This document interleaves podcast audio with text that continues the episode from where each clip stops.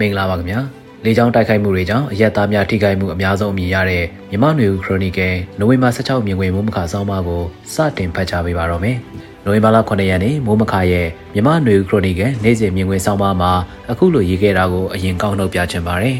စကိုင်းတိုင်းကခရိုင်မြို့တစ်မြို့ဖြစ်တဲ့ကောလေးမြို့ဟာနိုဝင်ဘာလ6ရက်နေ့နံနက်ပိုင်းမှာပြည်သူ့ကာကွယ်ရေးတပ်ဖွဲ့ PDF တွေနဲ့ပထမအဆုံးသိမ်းယူနိုင်ခဲ့တဲ့မြို့ဖြစ်လာခဲ့ပါတယ်။ ရှမ်းပြည်မြောက်ပိုင်းမှာအောက်တိုဘာ29ရက်ကစတင်ခဲ့တဲ့တစ်တုံညာနှစ်ခွန်စစ်စင်ရေးလို့ခေါ်တဲ့စစ်စင်ရေးတွေကလို့မစွနိုင်တော့လဲတစ်တုံညာနှစ်ခွန်စစ်စင်ရေးလှုပ်ဆောင်နေတဲ့အခြေအနေပေါ်အခွင့်ကောင်းယူပြီးတိုက်ခိုက်ခဲ့တဲ့သဘောလို့ဆိုနိုင်ပါလိမ့်မယ်။ကောလေးမြို့ဟာ2019ခုနှစ်မတိုင်ခင်ကကတာခရိုင်ထဲကမြို့နယ်ဖြစ်ပေမဲ့အဆိုပါနောက်ပိုင်းတော့ခရိုင်အဆင့်ကိုတိုးမြင့်ခဲ့ပြီးခရိုင်မြို့ဖြစ်လာတာဖြစ်ပါတယ်။မြေကြီးနားမန္တလေးရထားလမ်းပေါ်မှာတည်ရှိပြီး ARD မြစ်ရဲ့အနောက်ဘက်မှာတည်ရှိတာဖြစ်ပါတယ်။ မြို့အနေနဲ့လူဦးရေ2000ဝန်းကျင်သာရှိပေမဲ့မြို့နယ်တစ်ခုလုံးအနေနဲ့တော့တသိန်းခွဲလောက်သာရှိတဲ့မြို့နယ်ဖြစ်ပါတယ်။တောင်ဘက်မှာချက်သိန်း၊ကျွန်းလာအစရှိတဲ့မြို့တွေရှိပြီးမြောက်ဘက်မှာဝန်းသိုပင်လယ်ဘူးအင်းတော်တို့လည်းရှိပါတယ်။အခုတော့ခရရုံဆိုင်ရာဖြစ်တဲ့ကောလိမြို့ကိုသိမ်းယူလိုက်ခြင်းဟာ PDF တပ်ဖွဲ့တွေအဖို့ စိတ်သက်ရေးရရာတက်ကြွဖွယ်ရဖြစ်ပြီးမြို့ကိုဘလို့ထိန်းသိမ်းကာကွယ်မလဲမြို့ပေါ်မှာနေထိုင်ကြတဲ့သူတွေတွေနဲ့မြို့မှာဆက်လက်နေထိုင်ကြမလားသို့မဟုတ်စိတ်ရေးအရာပြက်လဲသိမ်းယူဖို့တိုက်ပွဲတွေဖြစ်လာနိုင်တဲ့အလားအလာကြောင့်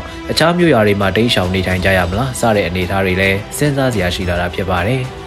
အဲ့ဒီဆောင်ပါမှာပဲနိုင်ငံတကာကတော်လန်စစ်တွေကျူးကျော်စစ်တွေမှာအင်အားကြီးသူတွေကလက်တုံ့ပြန်တိုက်ခိုက်ကြပုံကိုအခုလိုရေးပြခဲ့ပါတယ်။ဆီးရီးယား၊ယူကရိန်းနဲ့ဂါဇာဒေသစစ်ပွဲကြီးတွေမှာစစ်အင်အားကြီးသူတွေကရန်သူကိုဘယ်လိုတုံ့ပြန်ချေမှုန်းတတ်ကြသလဲဆိုတာကိုလည်းသင်ခန်းစာယူစရာအနေနဲ့လေ့လာပြီးရှေ့အတွက်ပြင်ဆင်ကြမှာဖြစ်ပါတယ်။ဆီးရီးယားမှာအာနာရှင်အာဆတ်ဟာသူ့ဆက်ညွန်သူတွေရဲ့မြို့ရွာတွေကိုပြပုံဆိုင်အောင်ဘုံမိုးရွာအမြောက်မိုးရွာခဲ့ပါတယ်။ အာဆက်ရဲ့မဟာမိတ်ရုရှားစစ်အာဏာရှင်ပူတင်ကလည်းယူကရိန်းကိုလေကြောင်းအမြောက်တုံးကြီးအင်အားအသာနဲ့ကျူးကျော်ခဲ့တာဖြစ်ပါတယ်။ဂါဇာမှာအစ္စရေးစစ်တပ်ကလက်နက်အင်အားအသာစီနဲ့ဂါဇာမြို့တော်ကိုအုပ်ပုံတိဖြစ်အောင်တိုက်ခိုက်နေတာမျက်မြင်ပါပဲ။ပြည်သူတွေအားလုံးဟာအိုးအိမ်စီစိမ်တွေအကုန်လက်လွတ်ပြီးအသက်ဘေးလွတ်ရာပြေးလွှားနေကြရတာမြင်နိုင်ပါတယ်။အခုဆိုရင်စစ်ကောင်စီကအမြောက်လက်နက်တွေသုံးပြီးအဝေးကနေပြည်သူတွေကိုကျေးလက်တွေကိုပြစ်ခတ်တိုက်ခိုက်ဖျက်ဆီးနေတယ်လို့လေကြောင်းအတွက်လက်နက်များထပ်မံဖြည့်ဆည်းနေတာကြားသိနေရပါတယ်။ ယခုနိုဝင်ဘာလ18ရက်နေ့ဆက်ရက်ကျော်အကြာမှာတော့စစ်ကောင်စီတပ်ကတော်လန်စစ်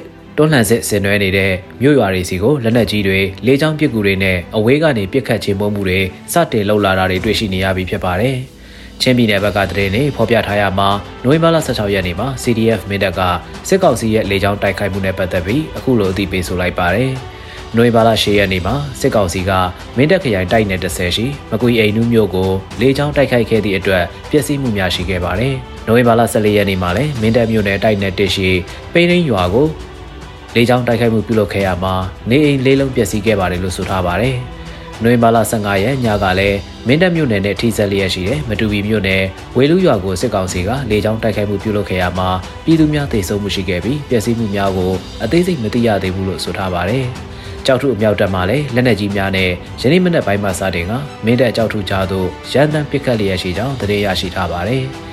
နောက်ပိုင်းသတင်းတွေအရတော့မတူပီမြို့နယ်ဝေလူကျေးရွာလေးချောင်းတိုက်ခိုက်ခံရမှုမှာကလေးငယ်ရှိဦးပါဝင်စတအူးသေဆုံးတယ်လို့မျက်စိမှသတင်းကဖော်ပြထားခဲ့ပါတယ်။စကိုင်းတိုင်းတွင်စခန်းသိမ်းတိုက်ပွဲတွေကိုတော်လိုင်းအင်အားစုတွေကစတင်လာရမှာစစ်ကောင်စီရဲ့နောက်ပိုင်းမှာလေးချောင်းတိုက်ခိုက်မှုတွေတုံ့ပြန်လာပါတယ်။ စကိုင်းတိုင်းထိကြိုက်မြို့နယ်မှာအကြံဖက်စစ်တပ်ရဲ့လေကြောင်းတိုက်ခိုက်မှုကြောင့်အရက်သားပြည်သူ12ဦးထပ်မံသေဆုံးခဲ့ရပါတယ်လို့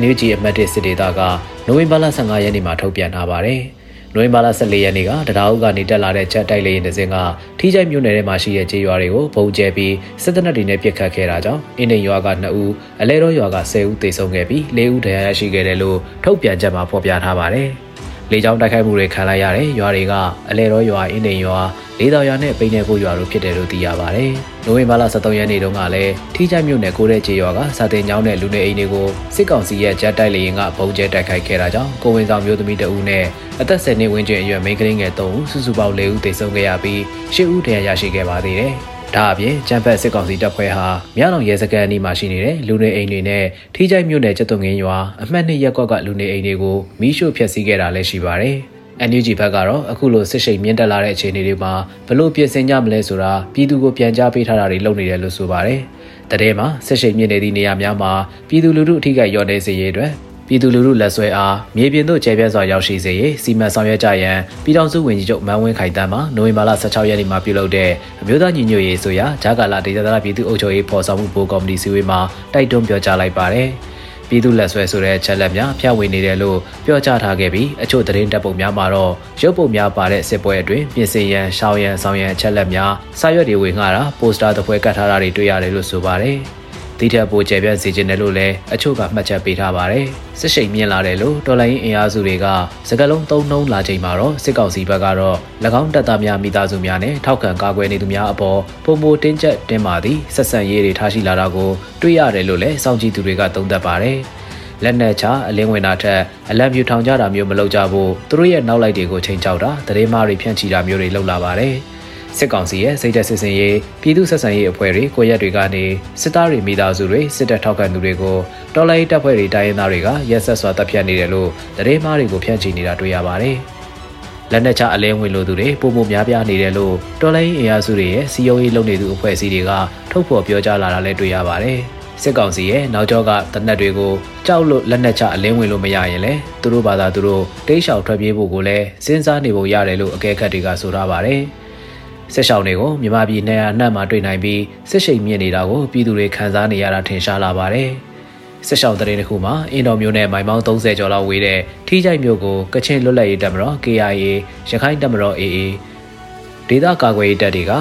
နိုဝင်ဘာလ9ရက်နေ့ကမြို့သိမ်းတိုက်ပွဲဆင်နွှဲနေပြီးနောက်အလားတူအင်းတော်မြို့ကိုတိုက်ခိုက်လာမှာကိုစိုးရိမ်တာကြောင့်ကြိုတင်ပြီးရှောင်သိမ်းသွားကြတာလို့ဒေသခံတွေကဆိုခဲ့ပါတယ်။ ကချင် News Group မှာဖော်ပြထားတာကဒီကနေ့နဲ့ဆိုရင်တော့6ရက်ဆက်တိုက်ရှိပြီပေါ့မြို့ကနေထွက်သွားတဲ့လူတွေကနေ့တိုင်းကိုရှိတယ်ကားလမ်းတွေလည်းပိတ်ကျက်နေလို့ကားတွေဆိုင်ကယ်တွေနဲ့မြို့ဆိုရင်တိတ်ဆိတ်လို့နေတာပေါ့အခုမြို့ပေါ်လူကြီးလေးပုံပုံလိုက်ရင်တပုံလောက်ပဲကြံတော့မှာအများပိုင်းကတိတ်ဆောင်ကုန်ကြပြီ